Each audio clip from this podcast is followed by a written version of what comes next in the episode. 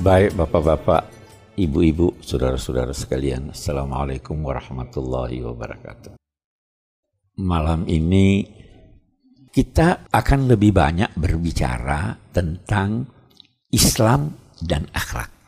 Eh, satu hal yang eh, kita bisa dapatkan dalam eh, eh literatur agama bahwa Nabi Shallallahu Alaihi Wasallam itu sangat menekankan tentang akhlak. Bahkan terasa bahwa dia tidak kalah kedudukannya daripada sholat dan puasa dan sebagainya. Nabi pernah bertemu dengan seorang sahabat namanya Wabisah. Terus eh, Nabi mendahuluinya dengan bersabda, "Jiktatas alu anil bir, kamu datang mau bertanya tentang kebajikan?" Dia bilang, "Iya, saya mau tahu apa itu kebaikan, apa itu dosa." Maka Nabi menjawab, "Albir husnul khuluq." Kebajikan itu adalah akhlak yang mulia. Sedang dosa itu maha kafis sadr wa taraddad wa in aftakan nasu aftauka. Dosa itu apa yang eh, eh, terlintas di dalam benakmu tetapi disertai dengan keraguan. Kalau ada sesuatu yang terlintas dalam benak tapi Anda ragu, itu bisa jadi dosa. Itu sebabnya Nabi juga berpesan, dak mayuribu ka ila la yuribu. Tinggalkan apa yang meragukan kamu ke arah yang tidak meragukan. Terlalu banyak eh, menyangkut akhlak. Kalau kita mau berkata eh, kesimpulan dari seluruh penekanan tentang akhlak itu adalah sabda Nabi, innama bu'istu liutamima makarim tidak ada lain. Innama itu artinya tidak ada yang lain. Saya diutus hanya untuk menyempurnakan akhlak. Nah, itu eh, kita pernah sudah membahas apa itu definisi akhlak. Saya, saya ingin ulangi sedikit bahwa akhlak itu adalah kondisi kejiwaan yang melekat pada seseorang sehingga dengan mudah dia melakukan suatu aktivitas bisa baik, bisa buruk. Kalau kondisi kejiwaannya baik, yang lahir dari kondisi kejiwaan itu akhlak yang baik. Dan itu dilakukan secara otomatis bahkan biasa dia tidak terasa lagi sudah begitu. Oke. Banyak ulama yang eh, ingin menggambarkan ajaran Islam itu eh, melalui hadis yang sangat populer, hadis Jibril. Pernah suatu ketika Nabi Shallallahu Alaihi Wasallam duduk duduk di masjid di tengah sahabat-sahabat beliau, terus datang satu orang ini Sayyidina Umar yang ber, eh, menguraikan ini. Datang satu orang pakaiannya putih bersih rambutnya tersisir rapi. Tidak ada di antara kami yang mengenal dia. Tetapi tidak ada juga tanda-tanda bahwa dia dari perjalanan. Kan ini aneh. Kalau dia orang dalam perjalanan pasti bajunya kusut dan sebagainya tapi kalau dia penduduk, pasti kita kenal dia. Lalu dia datang, meletakkan tangannya di eh, lutut Nabi, lalu bertanya, apakah Islam? Nabi jawab, itu rukun Islam. Apakah iman? Nabi jawab, itu rukun iman. Nah, baru dia bertanya, apakah ihsan?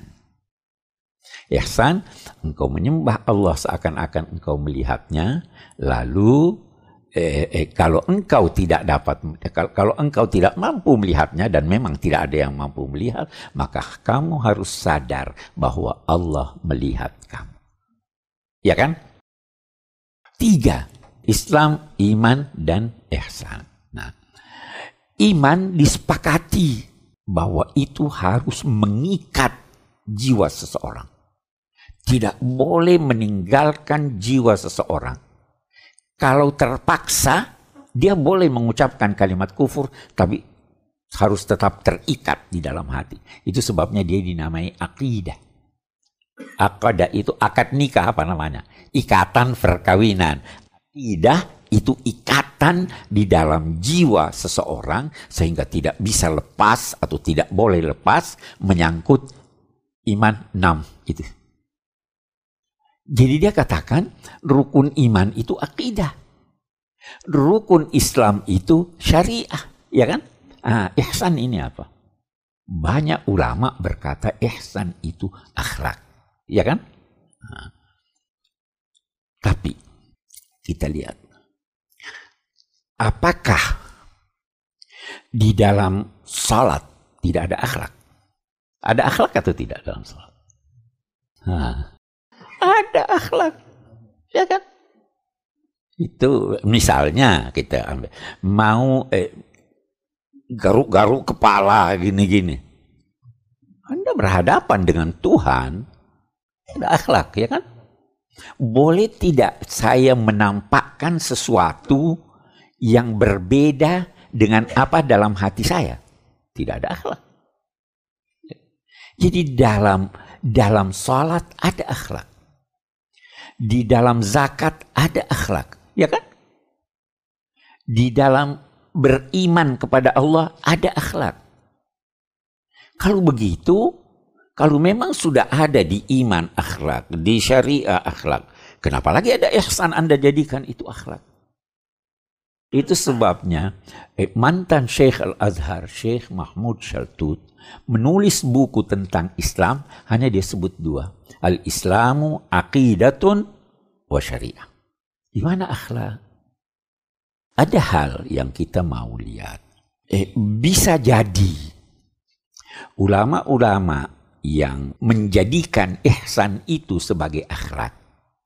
Karena banyak orang yang tidak menampakkan akhlak itu dalam akidah dan syariahnya. Jadi daripada tidak ada, disebut saya ada akhlak. Padahal ihsan bukan berbicara tentang akhlak. Kenapa tidak berbicara tentang akhlak? Karena sudah mesti masuk di akidah, mesti masuk di syariah, mesti masuk di segala kegiatan Anda harus ada akhlak. Tidak bisa tidak ada akhlak. Tapi ini sekarang tidak masuk dalam kenyataannya kan? Tidak masuk ini. Sholatnya tidak ada akhlaknya ininya tidak ada akhlaknya. Maka ulama daripada bingung udahlah kita tekankan aja. Ihsan itulah akhlak. Padahal sebenarnya bukan itu. Saya mau terangkan apa itu yang pertanyaan Nabi tentang ihsan apa itu. Eh begini. Malaikat Jibril yang tadi datang itu bertanya Terus Nabi berkata, ini malaikat Jibril datang mengajar kamu agama kamu. Bertanya tentang ihsan, bukan bertanya tentang akhlak. Tetapi dia bertanya tentang peringkat. Peringkat seseorang dalam melaksanakan ajaran agama. Jadi dia bukan akhlak. Nah, peringkat itu kita lihat. Nah, saya beri uh, eh, eh, eh, penjelasan dulu. Nah, ada seorang eh, ahli tasawuf, Abul Abbas Al-Mursi. Dia berkata begini, Islam itu adalah pelaksanaan lahiriah. Salat, puasa, kelihatan. Iman itu usaha memahami substansi memahami substansinya. Di, di Islam boleh jadi kita tidak paham substansinya. Apa substansi salat? Eh, kita tanya sekarang. Apa substansi salat? Yang diterangkan di Islam, di syariah, salat itu adalah perbuatan tertentu yang dimulai dengan takbir, yang diakhiri dengan salam. Ya kan itu salat toh? Substansinya apa? Hmm.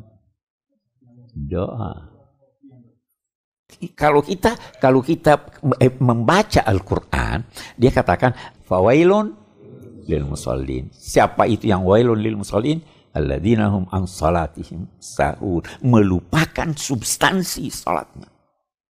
Jadi iman itu adalah eh, penerapan penghayatan dari substansi ajaran agama ini. Itu kata Abu Abbas al-Mursi. Eh, eh, ada yang lebih tinggi dari itu. Nah, dia berikan contoh begini. Ketika Rasul bersabda bahwa ihsan itu adalah engkau menyembah Allah seakan-akan melihatnya, ya kan? Dan kalau tidak dapat melihatnya, maka eh, yakinlah bahwa dia melihat kamu. Dikatakan begini, tentu saja yang dimaksud dengan melihat bukan melihat dengan mata kepala, tetapi melihat dengan mata hati. Sayyidina Ali pernah ditanya, hal ra'aita rabbak, kau pernah lihat Tuhanmu? Apa jawabannya? Wa kaifa a'budu ma la ara. Bagaimana saya sembah yang saya tidak lihat? Baru ditanya lagi, wa kaifa tarahu? Bagaimana kamu lihat dia? Beliau berkata, la tarahul uyun bi musyahadatil ayan, walakin tudrikuhul qulub bi haqaiqil iman. Dia tidak dilihat dengan pandangan mata, tetapi dilihat, dijangkau oleh hati. Jadi ada pandangan hati. Nah, itu melihat substansi kan? Nah, eh manusia semua punya potensi untuk melihat dengan pandangan hati. Tapi orang kafir itu dia tutup mata hatinya. Jadi dia tidak lihat Tuhan. Nah, ada orang yang dia tidak tutup tetapi tersumbat mata hatinya, masduda. Dia tidak lihat karena tersumbat. Itu kata uh, uh, uh, Abu Abbas al-Mursi, itu kebanyakan kaum muslimin begitu. Sebenarnya, sebenarnya dia bisa lihat kalau dia buka sumbatannya. Tapi dia tidak buka sumbatannya. Tuhan terlalu terang. Karena terangnya, tapi matanya tidak siap untuk melihatnya, dia jadi sama sama kita kalau lihat matahari. Sebenarnya cahaya itu sedemikian jelasnya dan sedemikian dekatnya kepada dia, tapi tersumbat. Nah, ada orang yang terbuka mata hatinya, jadi dia bisa lihat Tuhan dengan mata hatinya. Nah, kita lihat sekarang. Ketika Nabi berkata, ihsan adalah engkau menyembah Allah seakan-akan melihatnya. Ini peringkat atau akhlak ini. Ada orang yang menyembah tertutup mata hatinya, ada yang lebih tinggi, hanya tersumbat, boleh jadi sewaktu-waktu dia bisa. Ada orang yang terbuka sama sekali. Yang terbuka sama sekali juga itu masih bertingkat-tingkat. Jadi kan tingkat, bukan persoalan akhlak di situ. Kita umumnya itu di peringkat kedua. Nah, itu sebabnya nanti oleh ini oleh ulama dia bilang ada Islam, ada eh, ada iman, ada ihsan atau mau bilang lagi ada ibadah, ada ubudiyah, ada ubudah. Ada eh, syariah, ada hakikah, ada tahakkuk. Jadi tingkat Jibril itu bertanya, "Wahai Nabi, peringkat tertinggi dari orang yang melaksanakan syariah dan akidah itu peringkat tertingginya apa?" Sehingga dia dinamakan mencapai ihsan. Nah, Nabi terangkanlah peringkat tertingginya terbuka mata hatinya sehingga dia bisa melihat ini. Nah, apa yang saya ingin katakan bahwa dia bukan akhlak Kenapa bukan akhlak? Karena akhlak sudah masuk di akidah, sudah masuk di syariah. Kenapa lagi Anda mau pisahkan? Mestinya jangan dipisahkan akhlak dari syariah, jangan dipisahkan akhlak dari akidah. Pertanyaan ketiga malaikat Jibril ini adalah tentang peringkat pelaksanaan akidah dan syariah ada yang biasa-biasa saja umumnya kaum muslimin, tapi ada kelompok khusus sehingga dia seakan-akan melihat Tuhan, ada yang di bawahnya dia selalu sadar bahwa dilihat oleh Allah. Mari kita tanya, kita kira-kira di mana nih? Yang seakan-akan melihat pun tidak ya. Nah, apa kita muslimin? Jangan khawatir saya.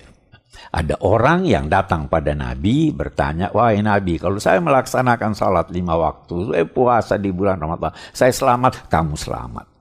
Jadi masih selamat lah, insya Allah. Tetapi peringkatnya kan peringkat yang ini. Oke. Okay.